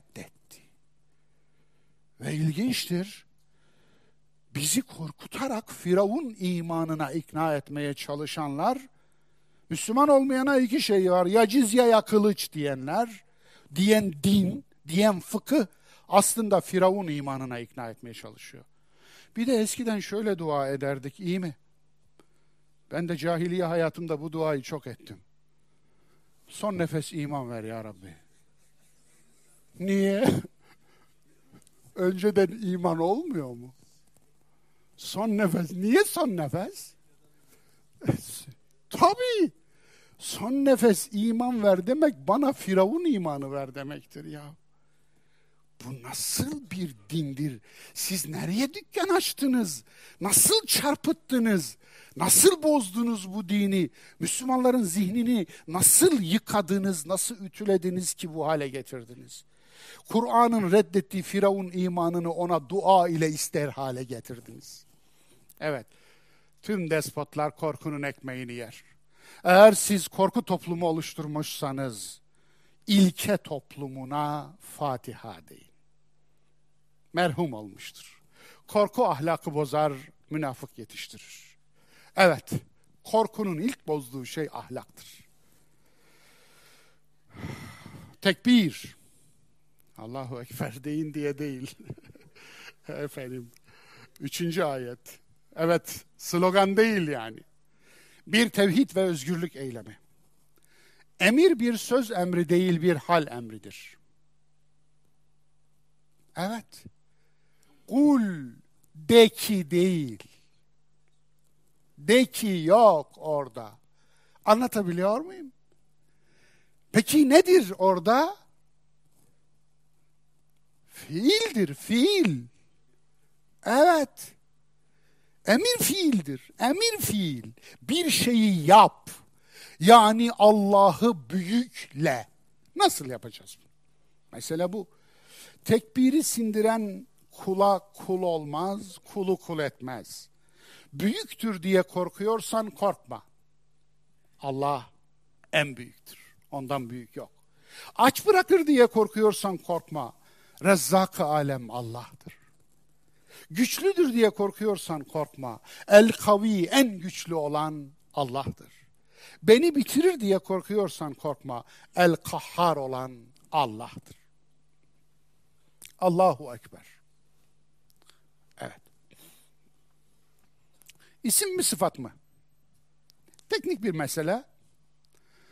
Bazıları sosyal medyada orada burada görüyorum, görmez olayım. Allah en büyüktür demek, başka büyükler de var demek anlamına geliyormuş falan filan böyle. Cahillerin eline verirsen böyle yarım yurum şeyleri, böyle oluyor. Ortalık çamurdan geçilmiyor. Hayır. Hem isim hem sıfat olarak kullanılır. İsim olarak şu anlama gelir. En büyük. İsmi taf değil. İsmi taf değil. Arap dilindeki sigası bu. Ama sıfat da olabilir. O da şudur. Tek büyük, hep büyük. Fark etmez. En büyük dediğinizde başka büyüklerde var anlamına gelmez. Anlatabiliyor muyum? Ama bana göre sıfattır. Hep büyük, tek büyük anlamına gelir. Hadsizler ülkesinde Kur'an'ı sakız eden cahil cüheladan bahsedecektim. Geçeyim. Biraz önce değindim.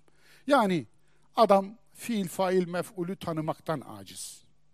İsim, harf ve fiili tanımaktan, ayırt etmekten aciz. Oturmuş Kur'an hakkında ahkam kesiyor. Kur'an'ı anlamak her mümine farz. Fakat Kur'an hakkında ahkam kesmek her mümine farz falan değil. Yapmayalım. Kur'an'dan hüküm çıkarmak ehlinin yapacağı. Bu en basit. Her, her, her şeyde böyle bu. Öyle değil mi? Kasap nacağını al, gir ameliyathaneye. Niye? Kesiyorsun ya. Kesiyorsun ya. Ameliyat kesmekten ibaret midir? Bu mudur yani? Onun için yani doktor olmayı önlükten ibaret görür, görürseniz doktor önlüğünü çalan herkese doktor dersiniz. Değil işte. Böyle değil. Evet, salat tekbirinin Kur'ani delili bu ayettir. Müddessir suresinin üçüncü ayet. Namaza dururken Allahu Ekber diyoruz ya, iftitah tekbirinin namazın farzlarından sayıyoruz ya, bu ayettir onun delili. Namaz ibadetler mecmuası, emirler mecmuası olduğu için emirleri toplamış. Ama tabii bu emirleri toplaması namaz dışındaki tekbirin hayata müteallik olan kısmı ne olacak sorusunu cevapsız bırakmak anlamında değil. Gereksiz bir tartışma. Raf'ul yedeyn. Nedir bu? Rükudan doğrulurken elleri kaldırmak. Biliyorsunuz diğer mezheplerin hemen tamamı Raf'ul yedeyn hadisine dayanarak elleri kaldırırlar. Ama İmam Ebu Hanife bu hadisi reddeder. Hadisi reddetmesinin sebebi hadisin geldiği Abdullah bin Ömer, Hazreti Ömer'in oğlu Abdullah'ın fakih olmadığı. İmam Ebu Hanife fakih olmayan sahabeden hadis almaz. Ebu Hureyre'den hadis almaz. Anlatabiliyor Fakih değildir der daha doğrusu. Abdullah bin Ömer fakih değildir der. Abdullah bin Amr fakih değildir der. Dolayısıyla yani sahabeyi ikiye ayırır. Fakih olanlar yani anlayışı derin olanlar demektir. O fakih efendim o anlama geliyor. Fıkıh ilmini tedvin edenler, tedris edenler anlamına gelmiyor. Anlayış sahibi olanlar, anlayış sahibi olmayanlar. ince anlayışı olmayanlardan e, delil almaz. Kimden alır bunun delilini? İbni Mesud'dan alır. İbni Mesud'dan gelen rivayet alır. Onun içinde bununla amel etmez. Aslında bu bir bence yanlış anlama. Bütün araştırmalarımda gördüğüm şey bu aslında burada dile getireceğim bir şey değil ama aranızda merak edenler olur. Ee, yeri gelmişken bir daha değinmeyiz bu meseleye. Onu da söyleyeyim. Bu raf'ul yedeyn, elleri kaldırmak, diğer ara tekbirlerde elleri kaldırmanın aslında bunun söz konusu olduğu tek bir yer vardır. O da rükudan doğrulurkendir. Efendim e, ve rükuya giderkendir. Dolayısıyla e, peki nedendir derseniz e, o da Allah Resulü Kabe'nin önünde namaz kılarken Kabe'yi gördüğünde selam vermiş. edilmiştir. İstislam içindir. Yani tıpkı tavaf ederken selam veriyoruz ya istislam. Benim vardığım sonuç budur. Beni bu sonucu ikna etmiştir. Ve el kaldırmanın tek anlamı da iftitah tekbirinde el kaldırmanın tek amacı da Kabe'yi görmüyoruz ama görenlere niyabeten, gördüğümüz anlara niyabeten selam veriyoruz. Zira Kabe insan emeğinin yeryüzündeki ilk mimarisidir. Ya yeryüzünü imar etme hilafet görevinin ilk eseridir. Yani Allah'ın doğal sit alanı ilan ettiği harem bu demektir. İlk alandaki ilk yapıdır. İnne evvele beytin vudi'a linnas. Evet, lellezî bi Bekke. Yeryüzünde yapılmış ilk ev Bekke Vadisi'ndeki bu evdir. Ayeti gereğince. Kur'an'dan yola çıkarak sorulacak soru şudur. Kıldığın namaz, namaz kılıyor musun sorusu Kur'ani bir soru değildir. Kur'an'la terbiye olmuş olanlar şu soruyu sorar. Kıldığın namaz seni hangi kötülükten alıkoydu? Hangi iyiliğe sevk etti?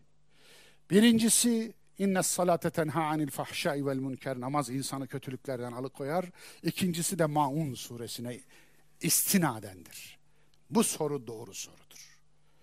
Evet kıldığın namaz seni hangi kötülük Bırak kötülükten alıkoymayı. Kıldığı namazla kendini cennetlik zannediyor. Kıl beş vakit namazı yeher haltına dönüştürüyor. Evet, namazla tapmıyor, namaza tapıyor maalesef. Elbiseni temiz tut. Dördüncü ayet. Şirk pisliğinden uzak dur. Beşinci ayet. Evet, din temizliktir. Bu ifade bana ait değil. Hakkını teslim edeyim. Bu ifade efendim Şah Veliyullah Dihlevi. Şeyh Abdullah Dihlevi ile karıştırmayın. Şah Veliyullah Dihlevi alim olandır. Hint yarımadasında ortaya çıkmış cins kafa, çok cins kafa, 18. yüzyılda yaşamış müthiş bir alimdir. Hüccetullahil Baliga ismi şah eseridir. Güzel bir Türkçe tercümesi de vardır. Ona aittir. Takva bilinç temizliğidir. Din temizliktir dostlar. Takva bilinç temizliğidir. Zikir hafıza temizliğidir. Zikir boncuk değildir, boncuk çevirmek değildir. Bunu artık biliyor olmanız lazım. Tesbih de boncuk değildir. Davranış temizliğidir. Çünkü tesbih Allah adına hareket etme emridir. İman ahlak temizliğidir. İslam insani ilişkiler temizliğidir. Abdest ve gusül beden temizliğidir. İbadet gönül temizliğidir. Salih amel eylem temizliğidir. Zekat ve infak servet temizliğidir. Hac toplum temizliğidir.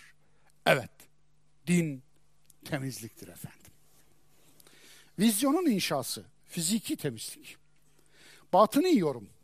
Elbise yerine kalp şeklinde anlayanlar olmuş bu ayeti. Evet.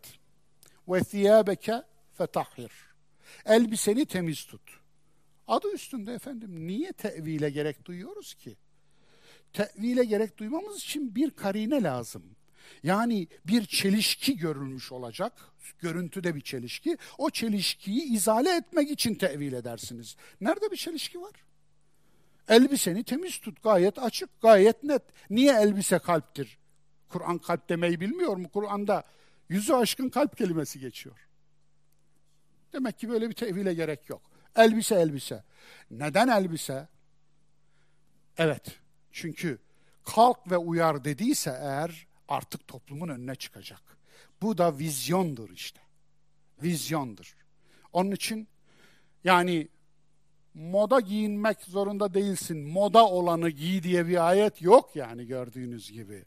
Veyahut da en pahalısını, en lüks olanı giy diye bir ayet yok gördüğünüz gibi. Veyahut da falan markayı giyin diye bir ayet yok. Ama temiz giyin diye bir ayet var. Temiz. Temiz. Bu önemli.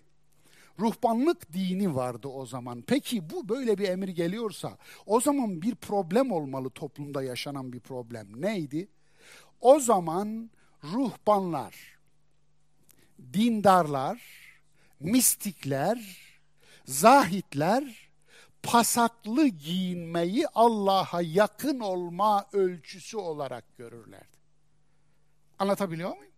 O zamanın dünyasında tüm mistik akımlar ki dinler mistik akımlar tarafından içi boşaltılmıştı. Hristiyanlık, Hristiyan mistisizmine esir düşmüştü. Hz. Musa'nın mesajı Yahudi mistisizmine esir düşmüştü. Uzak Doğu dinleri zaten mistik. Peki neydi?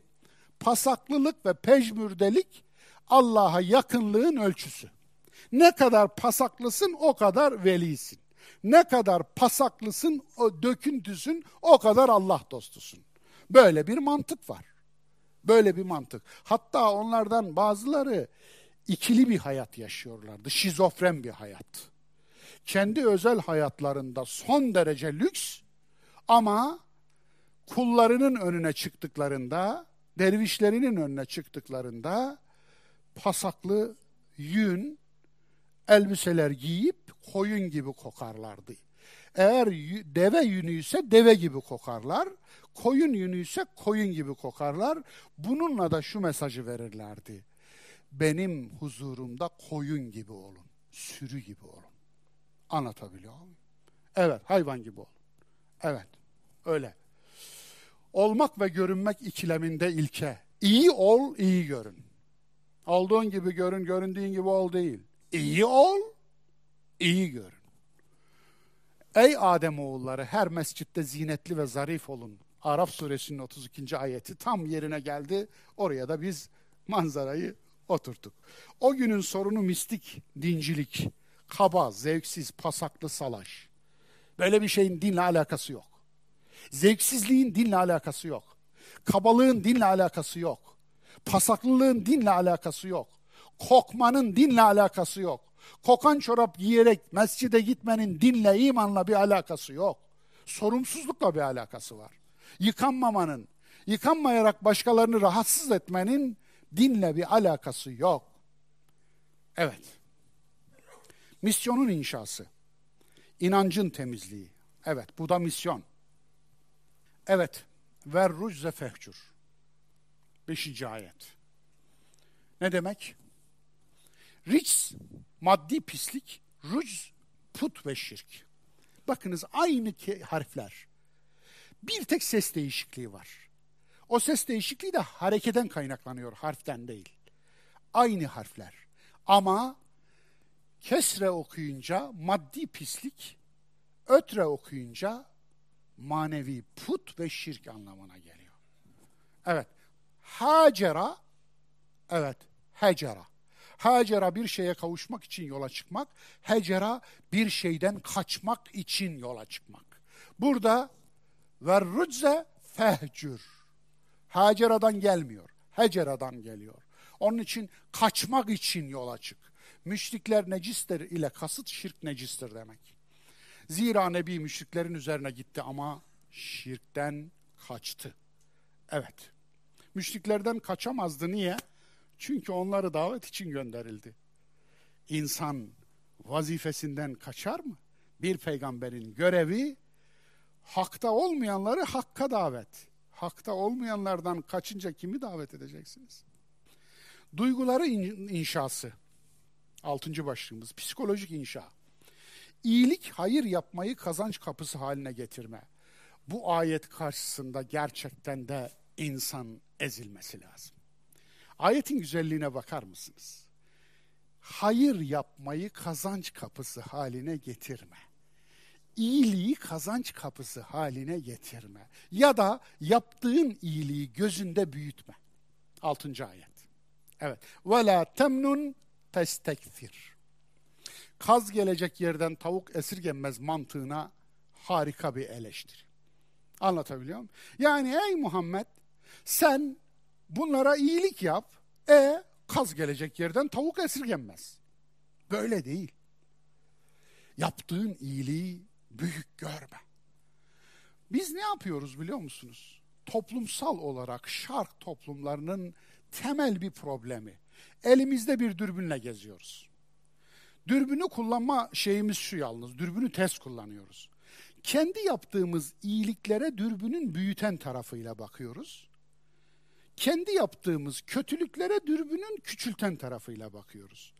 Başkasının yaptığı iyiliklere dürbünün küçülten tarafıyla bakıyoruz.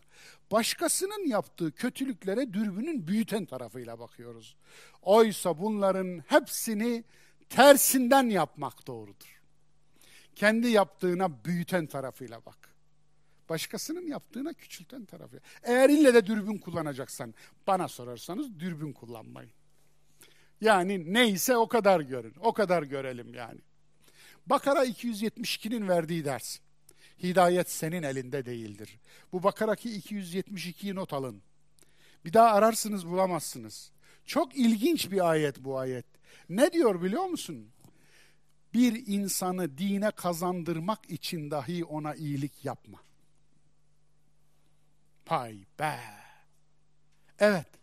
Yani buna iyilik yapayım da bu Müslüman olsun diye dahi iyilik yapma. Bu müthiş. Bu müthiş. Dolayısıyla bu ayeti ararsınız bir gün gelir bulamayabilirsiniz. İyilik de hasbilik esastır. Dine adam kazanma niyeti bile hasbi, hesabiliktir. Hesabilikle hasbilik birbirinin zıttıdır. Hesap yapıyorsanız hasbi değilsiniz. Yani fi sebillah yapmıyorsunuz.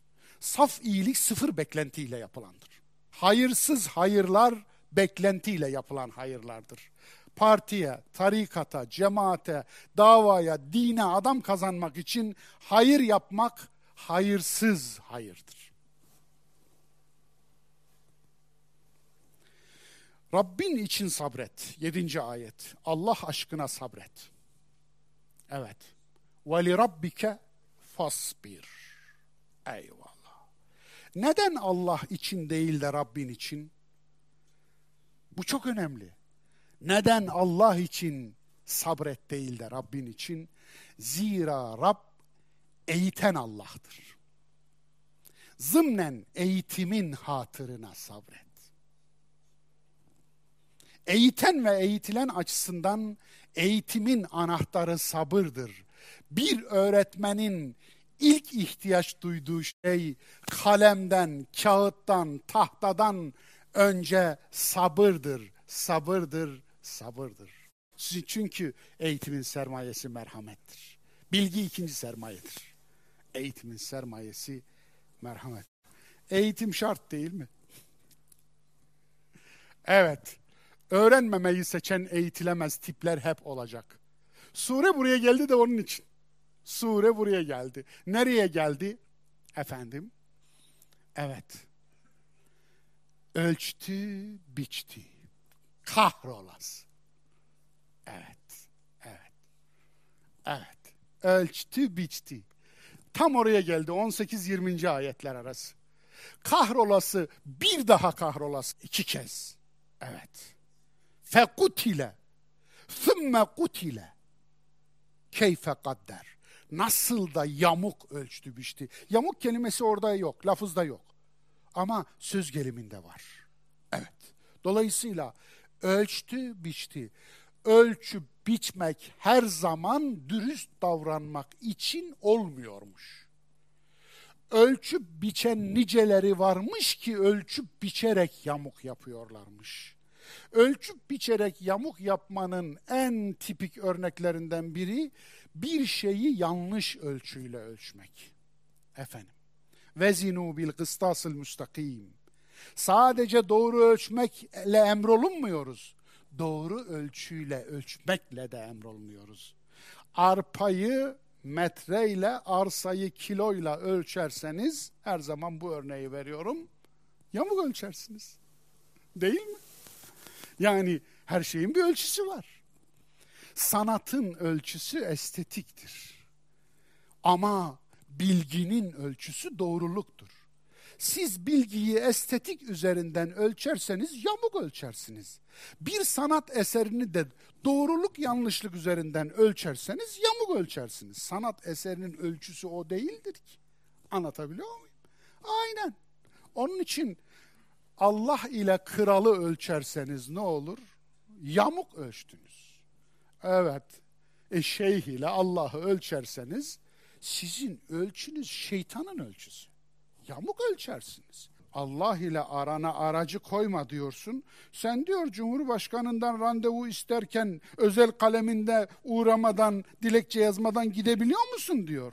Ah ne güzel, ne güzel değil mi? Yani hani bunlar akıllarını kullanmıyorlardı. Hani aklı kapının önüne koymadan cennete giremezlerdi. Bakın zekalarını nasıl kullanıyorlar bu akıl değil. Bu şeytani zeka. Şirke bahane bulacak. Sen Allah'ı Cumhurbaşkanı mı zannettin? Neyle neyi kıyaslıyorsun? Kulla Allah'ı nasıl kıyaslıyorsun? Demek ki senin için Allah, Allah olduğu için tapmıyorsun sen. Allah güçlü olduğu için tapıyorsun. Gücü buldun mu tapacaksın demektir bu. Zaten görülüyor şekilde görüldüğü gibi. Evet. Peygamber ile şeyhini kıyaslar. Rüyada hep peygamberi görür. Gördüğü peygamber de en çok şeyhine benzer. Çok ilginç. Hiç tesadüf yok. Anlatabiliyor muyum? Aslında sen suçunu söyledin. Bu suçüstü yakalanmaktır. Cürmü meşhur. Nedir? Aslında sen peygamber diye şeyhine tapıyorsun. Şey, şeyhine iman etmişsin. Şeyhini peygamber ilan etmişsin iç dünyanda. Aslında onu rüyada görüp de peygamber damgası vurmayın sebebi bu. Suçüstü yakalanıyorsun. Suçüstü. Türbeyi Kabe, Kabe türbe ziyaretini hac yerine koyar. Değil mi? Okuyor adam. Sırrı sırruhu, emri emruhu. Benim sırrım onun sırrıdır, Allah'ın sırrıdır. Benim emrim Allah'ın emridir. Ben ol dersem, o olur.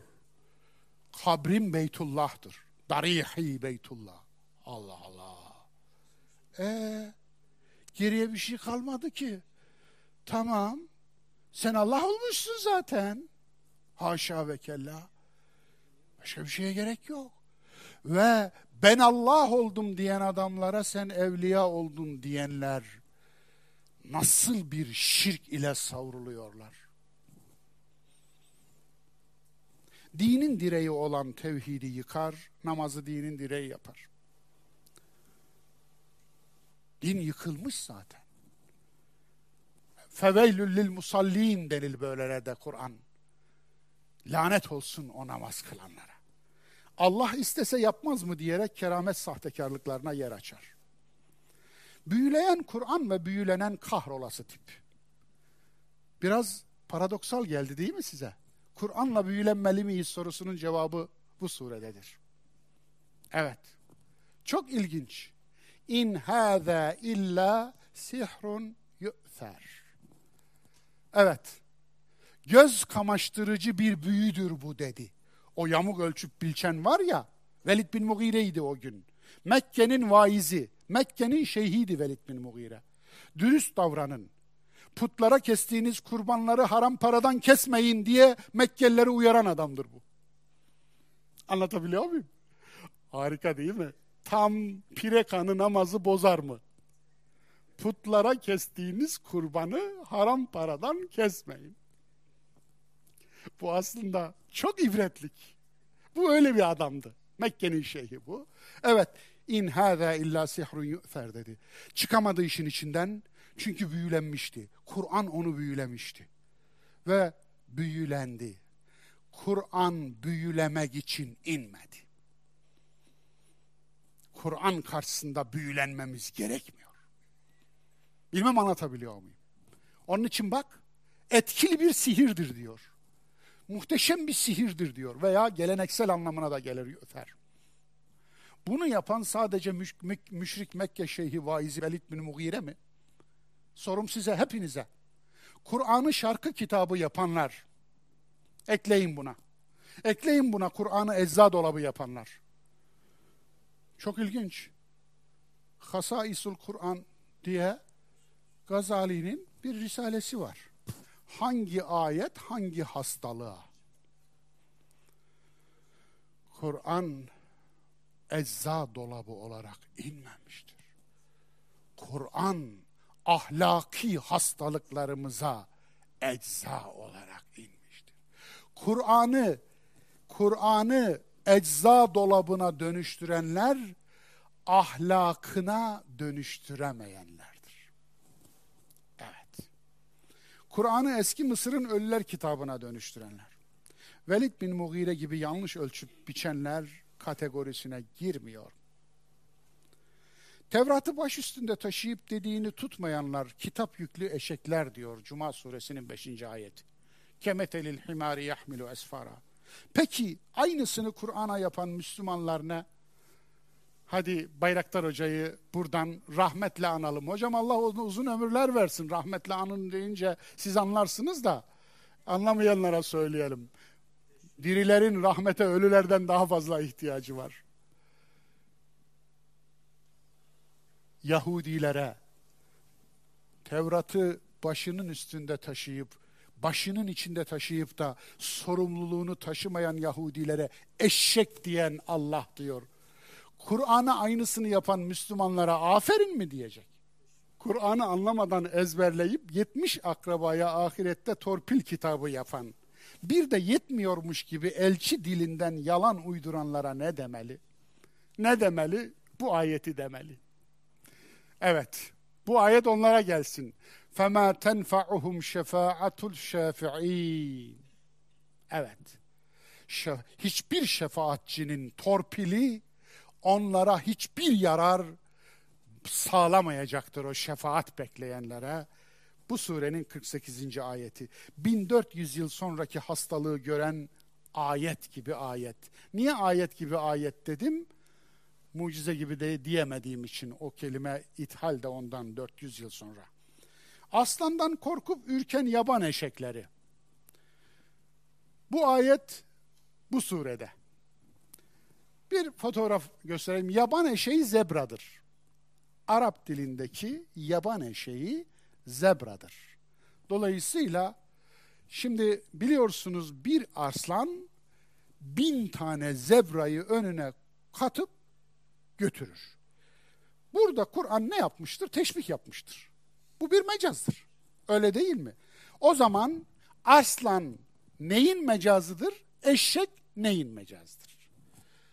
Kur'an'dan kaçan o günün insanı aslandan ürken yaban eşeklerine benzerse keennehum humurun mustenfira ferrat min gasvera. Kur'an deyince kuduran bugünün insanları neye benzer? Kur'an aslara benzetilmiş, hakikatin aslanı Kur'an. Hakikat aslana benzetilmiş. Niye hakikat aslana benzetilmiş? Aslan kendi rızkını kendi emeğiyle kazanır. Başkasının emeğine konmaz. Başkasının alın terine konmaz. Arslan çakal gibi rantçı değildir. Sırtlan gibi avantajı değildir. Nedir ya? Emeğiyle geçinir. İkincisi bir kez yer. ikinci kez dönmez. Üçüncüsü yediğinden mutlaka ötekilere de bırakır. Akbabalar beslenir, sırtlanlar beslenir, çakallar beslenir, haşerat beslenir, diğer leşçiller beslenir. Yani hayır da yapar. Aslan yani. Onun için dolayısıyla aslan hiçbir kalıntıyı yattığı yere götürmez. Yani kokutmaz. Aslan yerinden belli olur derler ya, o doğrudur. Aslan kokuşacak hiçbir avını yatağına götürmez. Onu çürüyeceği bir tabiatta bırakır. Yani aslan hakkında neredeyse 300'e yakın iyi şey saymış Cahız Kitabul Hayvan'da. Neyse benim aklıma gelen bunlar oldu. Ama evet Kur'an hakikati arslana benzetiyor. Peki eşeğe benzettiğine yalan. Hurafe, uydurma. Bu bağlamda hurafeler. Yani Allah'ın indirdiği dinin yerine konulmuş uydurma din. Kur'an'dan ürken ve korkan yaban eşeğine benzetilmiş yalanın eşeği. Yalan eşeği Kur'an hakikat arslanını gördü mü kaçar arkadaşlar. Ama bugünküler öyle değil sanki. Kur'an aslanından ürküp kaçan yaban eşekleri. On yıllardır Kur'an'ı siz anlayamazsınız diyenler. Bu memlekette bunu diyen zümreler vardı biliyor musunuz? Şu anda sesleri kesildi. Ama bunu sanki bir Allah emri gibi naklediyorlardı insanlara. Kur'an'ı anlamak kim biz kim? Hatta hatta sanki Kur'an'ı anlamaya çalışmak günahmış gibi takdim ederlerdi. Özellikle mistik çevrelerden belli zümreler. İçinizden onları tanıyanlar vardır. Kur'an Müslümanlığı diye bir sapıklık çıktı diyen sapıklar işte bu, bu cümledendir. Kur'an'ın hadise ihtiyacı hadisin Kur'an'a ihtiyacından fazladır diyenler işte bu ayette belirtilenlerdir. Yani arslanı görüp ürken yaban eşeği gibiler. Kur'an okumayın imanınız gider diyenler. Bunu daha önce anlatmıştım bir kez daha anlatayım. Şimdi vefat etti adını vermemde sakınca yok. Efendim artık verebilirim vermiyordum ismini hemşehrim de olur.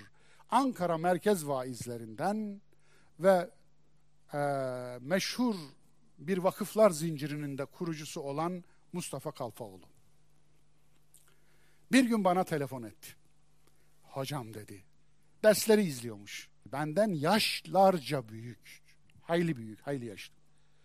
Biliyor musunuz dedi.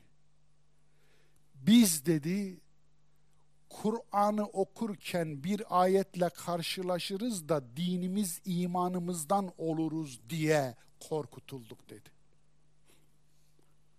Allah Allah. Yani hidayet için gönderilmiş olan Kur'an dinden imandan edecek. Sen Müslüman olacaksın, Kur'ansız Müslüman. Ama Kur'an'a kavuşunca dinden imandan olacaksın. Zaten şunu söyleyeyim, behemahal o dinden imandan ol. At yani onu. O din ve iman değilmiş zaten. Kur'an'ı görünce terk edeceğin din şeytanın dinidir. Rahman'ın dini değildir. İslam dini değildir o. Uydurulmuş dindir. Ben böylesini duydum. Bakın ismini de ilk defa verdim. Ha öldükten sonra verdin diyeceksiniz. Şimdi gidip de soramayız ki. Bana güveniyorsanız inanacaksınız. Yani bu kadar milyar insan içinden bu isimlerden aklıma geldi. Yani uyduracaksam eğer hiç tanımadığınız bir isim uydururdum. Yerini de yurdunu da veriyorum, mesleğini de veriyorum, yaşını da veriyorum. Dolayısıyla bu bir. İkincisi kendileri su gibi yalan söyleyenler karşılarındakileri de kendileri gibi zannedermiş. Bu bir hastalık zaten. Evet. Ben böyle bir şeye de şahit oldum. Ondan sonra başkalarında da şahit oldum buna. Bana ayet okuma 500 ayet okusan da nafile diyenler arslandan korkan yaban eşeklerine benzer. Bukhari çökerse İslam çöker diyenler arslandan korkan yaban eşeklerine benzer. Dinini Kur'an'dan öğrenenlere peygamberi devreden çıkarıyor çamuru atanlar arslandan korkan yaban eşeklerine benzerler. Kendi yazdıkları kitapları vahiy ile kıyaslayarak paralel, paralel Kur'an ilan edenler arslandan korkan yaban eşeklerine benzerler. Evet müddessir, misyon ve vizyonun inşası. Özete geçtim, bitti yani. La ilahe illallah, kula kulluğa hayır devriminin Mekke'deki yankılarını işledik. Kur'an'ın çift kutupluğunu işledik, değindik. İlk yedi ayette yedi emri saydık. İyiler ikiye ayrılır dedik, aktif ve pasif iyiler. İyilik ikiye ayrılır dedik, hasenat ve salihat. Abdullah oğlu Muhammed iyi idi dedik ama aktif iyi değildi dedik. Kalk ve uyar diyen Kur'an onu aktif iyi yaptı dedik. Endir, uyar, elçilik ahlakı dedik. Kur'an'ın devrimi uyarı ve müjdeydi. Bunu havf ve recaya, korkuya dönüştürenler Kur'an'a karşı devrim yaptılar dedik. Ve korkuyu Tanrı yaptılar dedik. Ve bu ümmeti korkuya kul ettiler Allah'a değil dedik. Tekbir bir tevhid ve özgürlük eylemidir dedik. Elbiseni temiz tut ve şirk pisliğinden uzak dur. Din temizliktir dedik. Vizyonun esası fiziki temizliktir, misyonun esası inancın temizliğidir dedik. Duyguların inşası psikolojik inşa dedik bu surenin ana konusuna. İyilik, hayır yapmayı kazanç kapısı haline getirme ayetine vurgu yaptık. Rabbin için sabret ayetini zikrettik. Öğrenmemeyi seçen eğitilemez tiplerin yanlış ölçüp biçtiğini söyledik. Büyüleyen Kur'an ve büyülenen kahrolası tip aslında Kur'an'dan istifade etmeyen, Kur'an'ı büyü metnine dönüştüren tip olduğunu söyledik. 1400 yıl sonra ya mesaj hiçbir şefaatçinin torpili işe yaramayacaktır ayetine dikkat çektik. Kur'an aslanından ürküp kaçan yaban eşeklerinin örneklerini verdik. Eklere geldik. Bir anmamız var. Afganistan Kabil'den Ferhunde Melikzade. Allah onu rahmetine gark etsin. Gördüğünüz tabii burada oynatmaya ben e, dayanamam ama da eğer izlemeye e, şeyi olanlar, ben izleyebilirim diyenler izlesinler. Vahşeti görsünler. Gözünüzü kapayarak o vahşeti yok edemiyorsunuz. Uydurulmuş dinciler tarafından 19 Mart 2015 tarihinde yani geçtiğimiz dersten sonraydı onun için bu derse kaldı. Önce Kur'an'ı yaktı iftirası atılıp sonra vahşi, vahşice linç edildi. Bu linci lanetle hatırlıyor, bu cesur Kur'an talebesini rahmetle yad ediyoruz. Aynı zamanda kendisi ilahiyat öğrencisiydi. Allah ile aldatmak ve vahşice linç etmek Afgan Taliban'ına has değildir. Resmi gayri resmi teşviklerle palazlanan yerli Talibanların eline fırsat geçerse aynısını fazlasıyla yapacaklarından hiç kimsenin kuşkusu olmaz. Uydurulmuş din nasıl bir şey? Bu Hristiyan versiyonu. İzleyelim mi? Evet görüyorsunuz geçmişte ölmüş bir papazın ayak iskeletini çıkardı. Evet, ayağı çıkardı. Su döküyor şimdi. Şimdi o suyu teberrüken buyurun. içecekler, kafalarına dökecekler, efendim götürecekler, cenazeleri için kullanacaklar, çocuklarını yıkayacaklar. Evet, senin zemzemin varsa diyor, benim de bu var diyor. Bakınız efendim. Abu Kevser. Bu da bizden. Öptüğüne biliyor musunuz? Tahta, protez. Ölmüş bir insanın geriye bıraktığı protez. Evet. Fazla bir şeye gerek yok. Bu ders size tavsiye edeceğim görsel harika bir film. Çok hoşuma giden bir film. Birkaç kez izledim ben. Şeyda. İran yapımı Hollywood filmlerini tavsiye edince Amerikan ajanı olmuyorum. Yahudi filmlerini tavsiye edince İsrail ajanı olmuyorum ama İran filmini tavsiye edince İran ajanı olur muyum? Peki. O zaman şey daha efendim. Harika bir romantik dram. 1998 yapımı. Niye bunu tavsiye ettim biliyor musunuz? Geç kaldı. Geçenkine yetişmedi. Müzzemmil suresi filmidir bu. Müzzemmil suresi. Evet. Ne dediğimi filmi izleyince göreceksiniz. Benim kahramanlarım bölümünde kahramanımız burada. Get a knock at the door and hear uh, two guys in a suit. I'm from the FBI. The first thing I have to say is, what took you? Truth.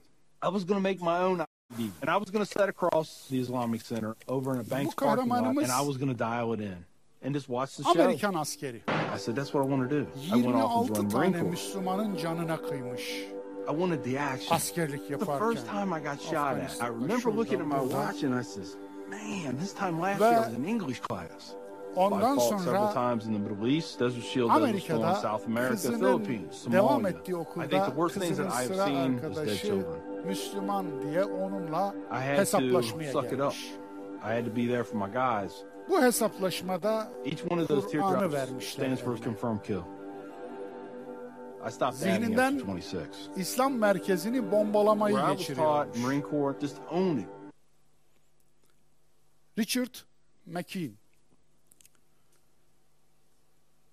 Bombalamayı geçiriyormuş. Ne olmuş? Kur'an'ı incelemiş. Pişman olmuş. Tevbe etmiş. Öldürdüğü 26 Müslüman ki bu savaşta öldürüyor bunları. Müslümanın anısını vücudunda yaşatmak için bedenine 26 tane kan damlası şeklinde dövme yaptırmış. Eh Amerikalının tövbesi de böyle oluyor demek ki. Bununla kalmamış. Daha sonra Kur'an incelemiş, sorgulamış ve uzun bir sorgulama süresinden sonra İslam'a teslim olmuş, barışa teslim olmuş. Barış adamı olmuş, savaş adamı. Ve İslam merkezine gelmiş, orada da başkan seçilmiş. Ve şu anda İslam merkezinin hem başkanı hem de fahri imamı. Müslümanlara bakıp katil olanlar Kur'an'la tanışıp tevbekar oluyorlar. Müslümanlara bakı- ba- bakıp adam öldürenler Kur'an'a bakıp adam diriltiyorlar. Bu haberi bize ulaştıran Avustralya'dan Süleyman Balcıoğlu dostumuza teşekkür ediyorum. Evet sosyal medya hesaplarımız unutmayın. Twitter hesabımız, Facebook hesabımız, Instagram hesabımız ve web saytımız, sitemiz. İnşallah onları da yeri geldikçe takip etmeyi sürdürün. Zaten bu tip anonslar orada da yapılıyor. Efendim Siretül Kur'an'ın 13. dersi burada sona erdi. Gönlünüze, akleden kalbinize afiyet olsun, hikmet olsun. Bir dahaki derste buluşmak üzere. Allah'a emanet olun. Hoşça kalın. Sağlıkla kalın.